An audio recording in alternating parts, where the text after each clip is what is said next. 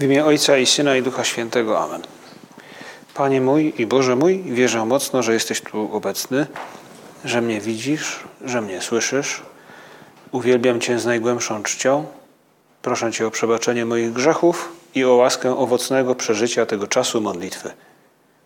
Matko moja niepokalana, święty Józefie, Ojcze i Panie mój, Aniele stróżu mój, wstawcie się za mną.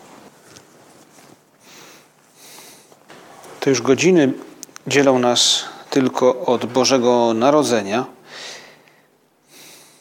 I te chwile spotkania z Panem Jezusem, teraz, gdy się modlimy, być może pomogą nam to, co wydarzy się za tych kilkadziesiąt godzin, przeżyć głębiej.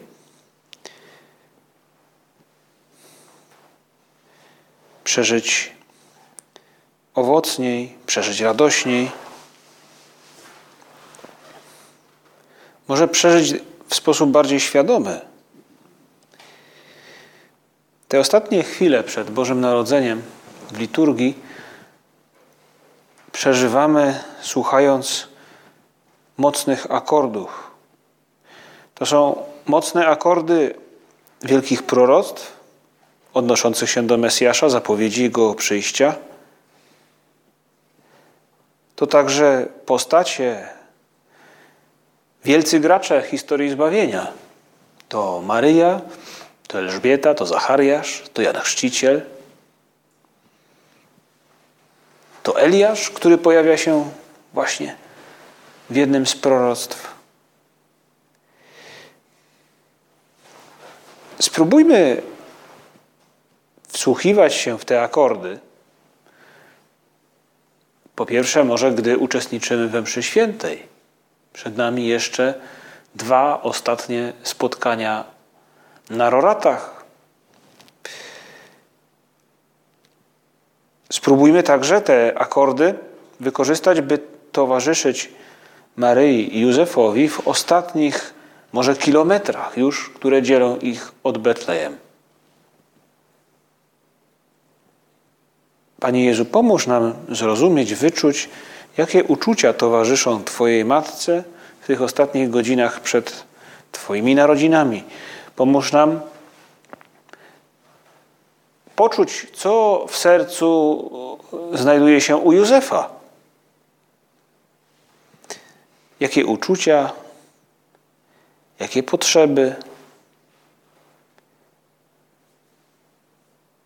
bo Twoje pojawienie się na tym świecie jest jakby odpowiedzią na to wszystko. A jeśli nie jest na niektóre z nich może odpowiedzią, to z pewnością jest rozwiązaniem, bo jest zbawieniem. Właśnie wobec tych wszystkich uczuć, które mogą czasami nas napełniać, uczuć niepokoju, uczuć które związane są z niepanowaniem nad sytuacją.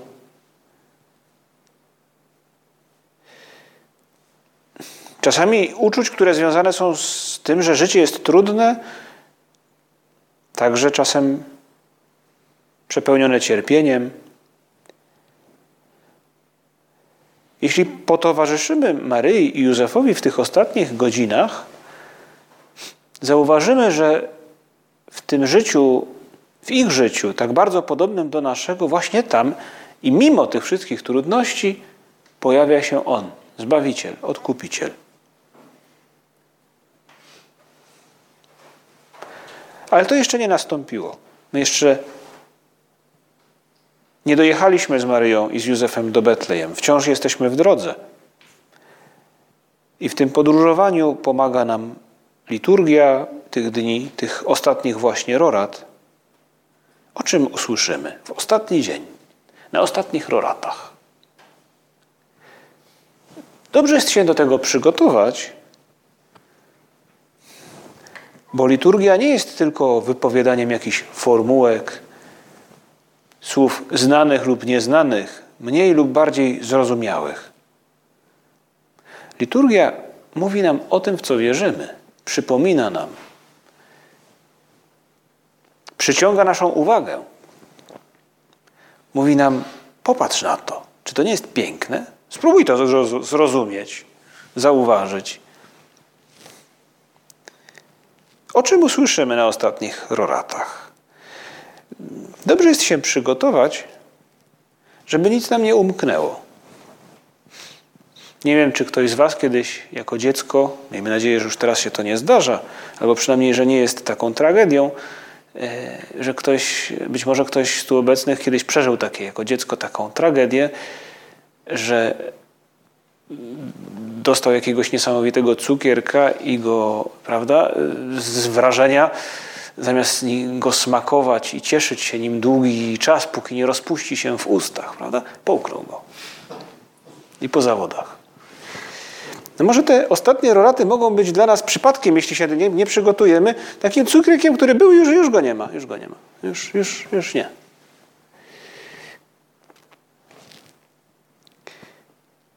I żeby się przygotować, możemy właśnie posłuchać, wyobrazić sobie także to, o czym podczas tych rorat usłyszymy. Zwróćmy uwagę na dwa czytania, które w liturgii słowa tego dnia się pojawią. To dwie historie dwóch ludzi, e, których rozdziela wiele wieków, ale którzy jednak mają coś ze sobą wspólnego. I tym, co pomóc nam może przeżyć te ostatnie roraty lepiej, głębiej, owocniej, jest uzmysłowić sobie, co łączy te dwie postacie Dawida i Zachariasza. Bo o tych dwóch postaciach mówi nam liturgia 24 grudnia na roratach. Druga księga Samuela opowiada nam historię króla Dawida. To można powiedzieć historia człowieka, któremu się udało. Nie jest to historia człowieka idealnego, wręcz przeciwnie, Dawid był niezłym gagatkiem. Jak wiemy, ulegał emocjom, kaprysom, zachciankom, słabościom. Ale ostatecznie jest to postać, która jest wierna Bogu i jako taka została zapamiętana. Jako, taka, jako taką zapamiętał tę postać Bóg. Bo Dawid jest kimś, kto potrafi powstać z upadku, kto zna także siebie wobec Boga. On wie, że jest człowiekiem, który był pasterzem. Że nie on sam stał się królem. Te czasy króla Dawida widziane są w historii Izraela jako czasy świetności. Czasy, o których marzono. Całe to terytorium zjednoczone wokół jednego króla. I Dawid w pewien sposób zdaje sobie sprawę z tego, co ma, co otrzymał. Jest wdzięczny Bogu. On jeszcze pamięta tę historię, gdy pasł owce swojego ojca. On pamięta to zwycięstwo, które zostało mu dane, gdy mierzył się z Goliatem. I ten Dawid, o którym usłyszymy już pojutrze, na ostatnich roratach, rozmawia w tym czytaniu z prorokiem Natanem.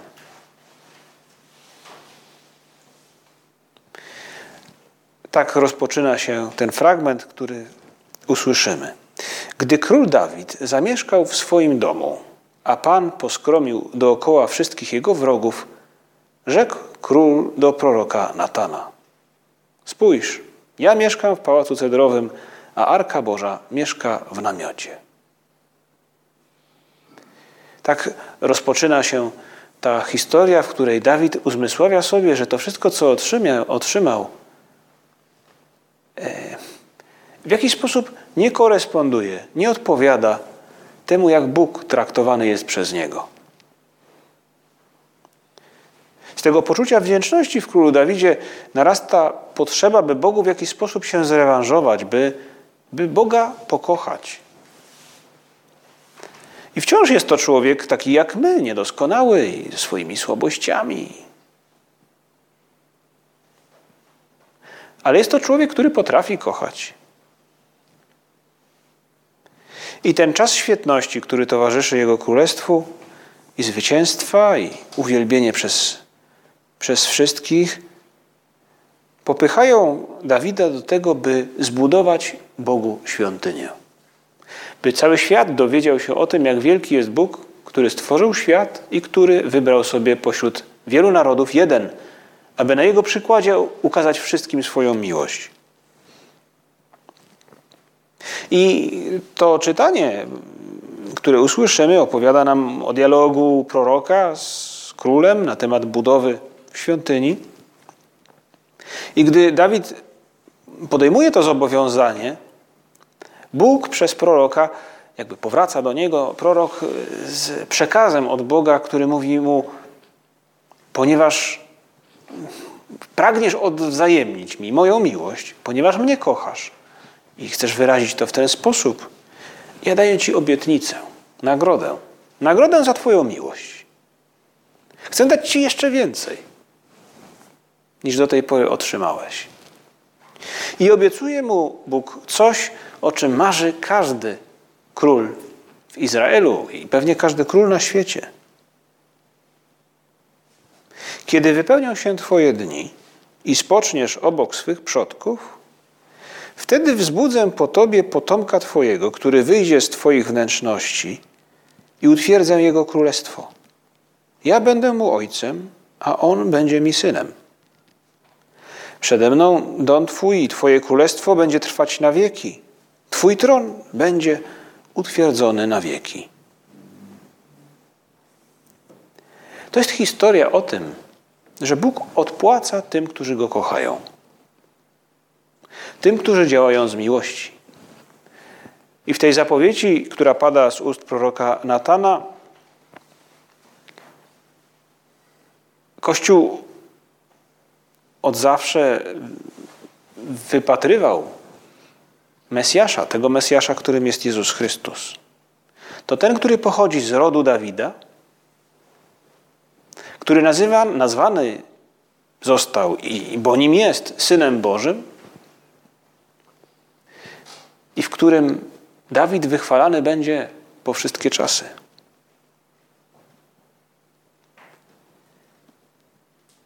Bóg odpłaca tym, którzy go, go kochają.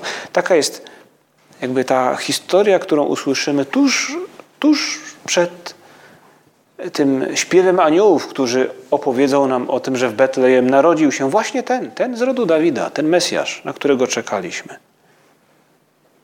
Ale jak, jak dobrze nam robi przed tym ważnym momentem usłyszeć o zapłacie, o nagrodzie za miłość, Nie chodzi o to, żeby robić jakieś rzeczy, żeby się wykazać przed Bogiem.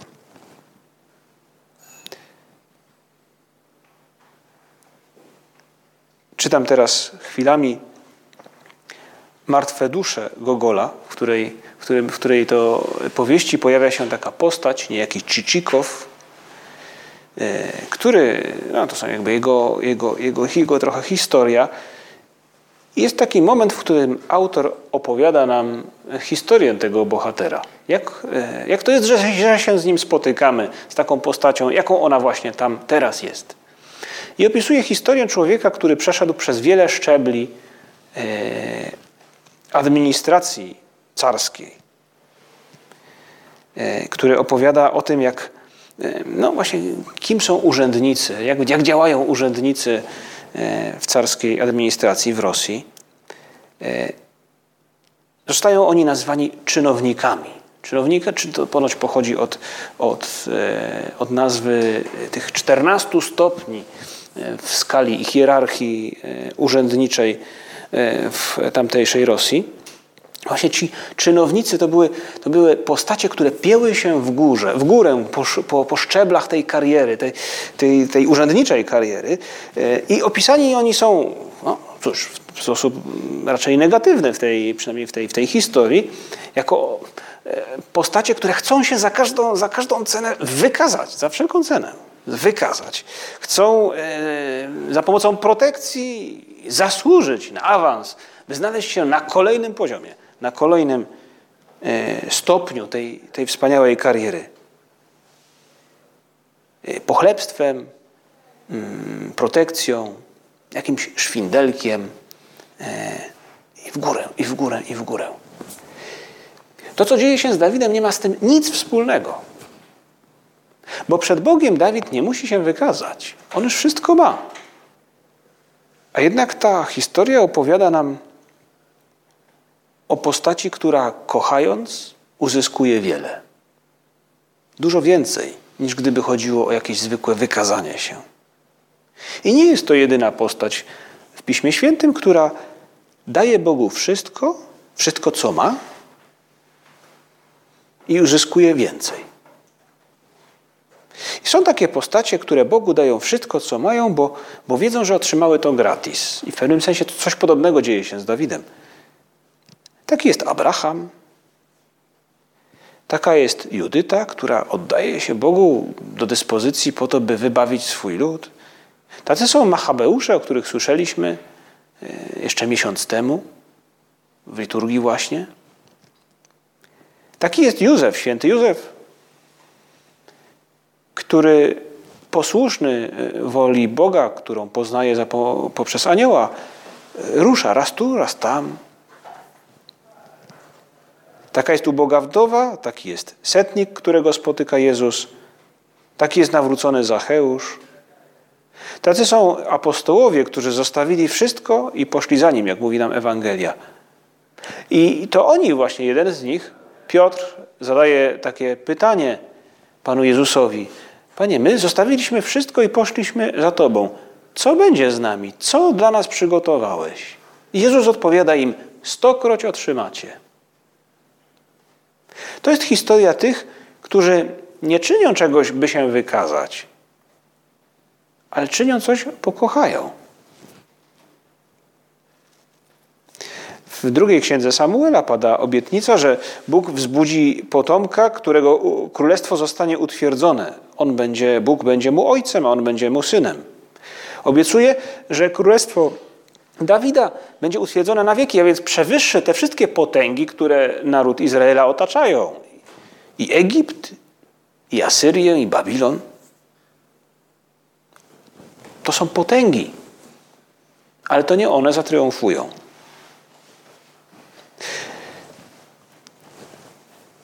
Maryja w chwili zwiastowania zrozumiała, że to wszystko, w czym koncentrują się marzenia Izraela, marzenia także Dawida o potędze, której nie mógł sobie wyobrazić, właśnie jeśli ona tylko powie tak, staną się rzeczywistością.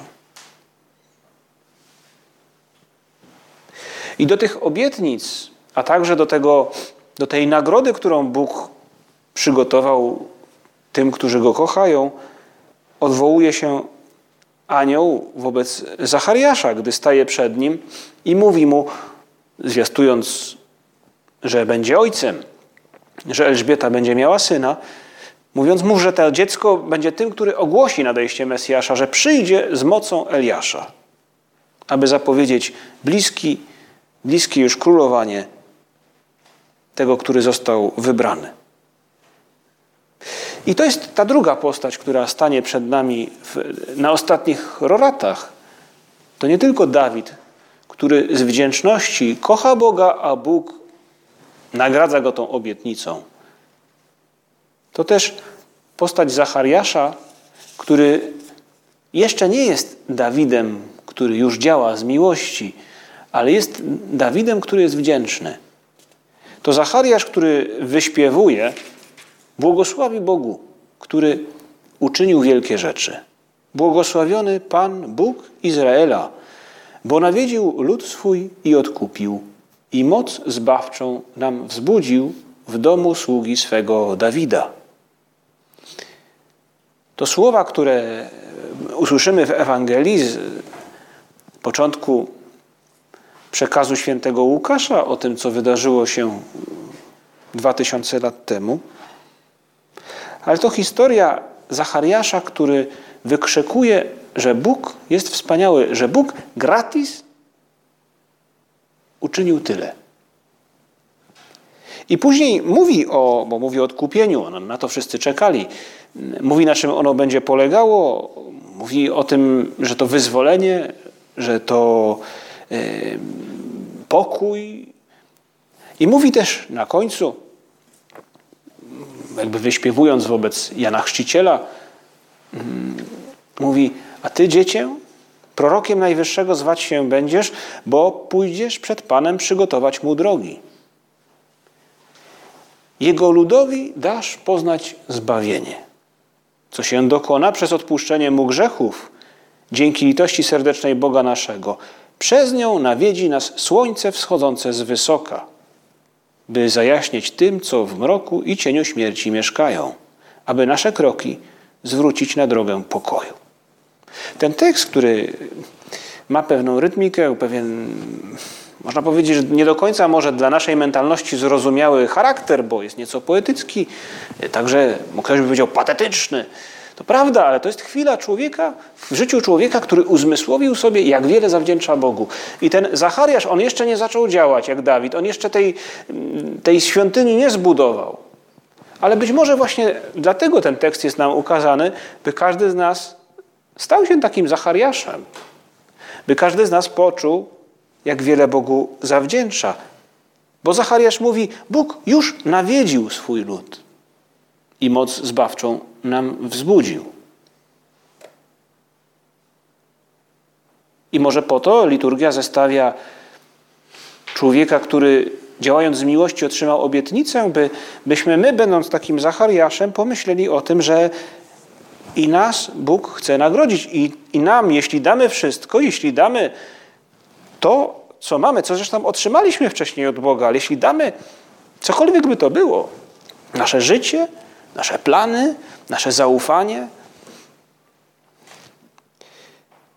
jeśli damy Bogu miłość, czeka na nas obietnica proroka Natana.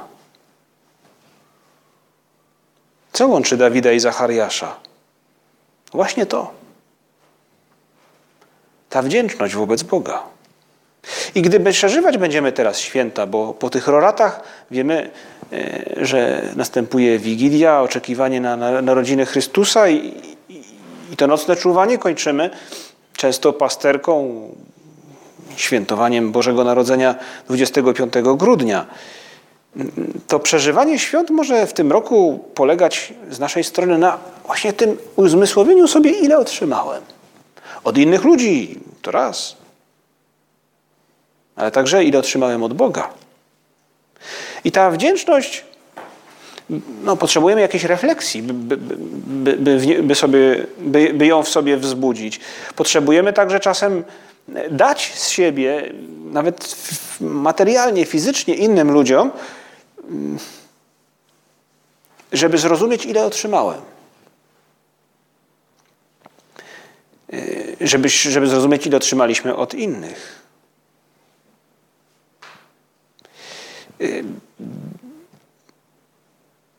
By przeżyć te święta, myśląc nie tyle, jak się czuję, ale jak wiele otrzymałem, pomóc nam może zaangażować się w sprawy innych, owszem, w jakieś sprawy przygotowań, ale także w sprawy po prostu innych ludzi, jakby spróbować pokochać innych w stylu Pana Boga, który chce dać więcej. Oczywiście pomagają nam w tym e, czasem zwykłe potrzeby domowe, rodzinne, wśród wiem, sąsiadów. Pomagają w tym e, zaangażowaniu czasami różnego rodzaju organizacje, e, eventy, wydarzenia, jak choćby to, które większość z Was będzie, w którym będzie większość z Was uczestniczyła także tego wieczoru.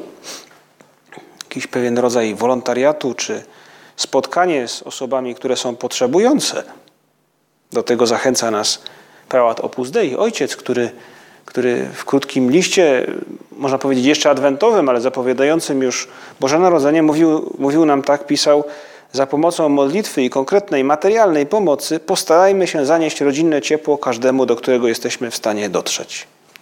I to jest między innymi to, co będziemy starali się tego wieczoru yy, zrobić czy przeżyć, dotrzeć do innych osób potrzebujących z ciepłem, ze spojrzeniem, z byciem chwilę, chwilę, przez chwilę z nimi.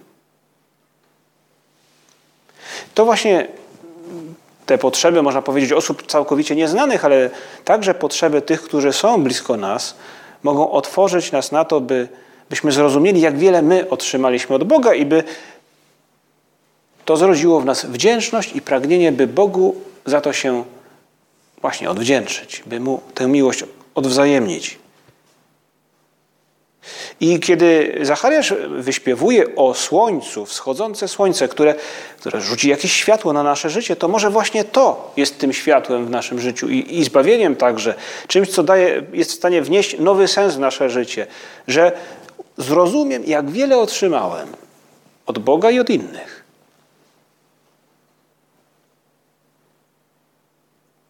Jak ważne jest poczuć się obiektem Bożego miłosierdzia.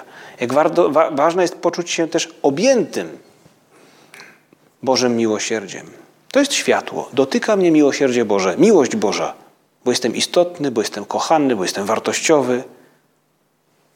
I w dodatku to zbawienie polega na tym, że, że otrzymuję wsparcie, łaskę, pomoc, by żyć w zgodzie z tą prawdą. I właśnie dlatego, doceniając to miłosierdzie Boże, możemy też to jakby koło, które się zamyka, dając siebie, można odkryć, jak wiele otrzymałem, ale jednocześnie rozumiejąc, jak wiele otrzymałem, to popycha nas do tego, by dawać siebie bardziej.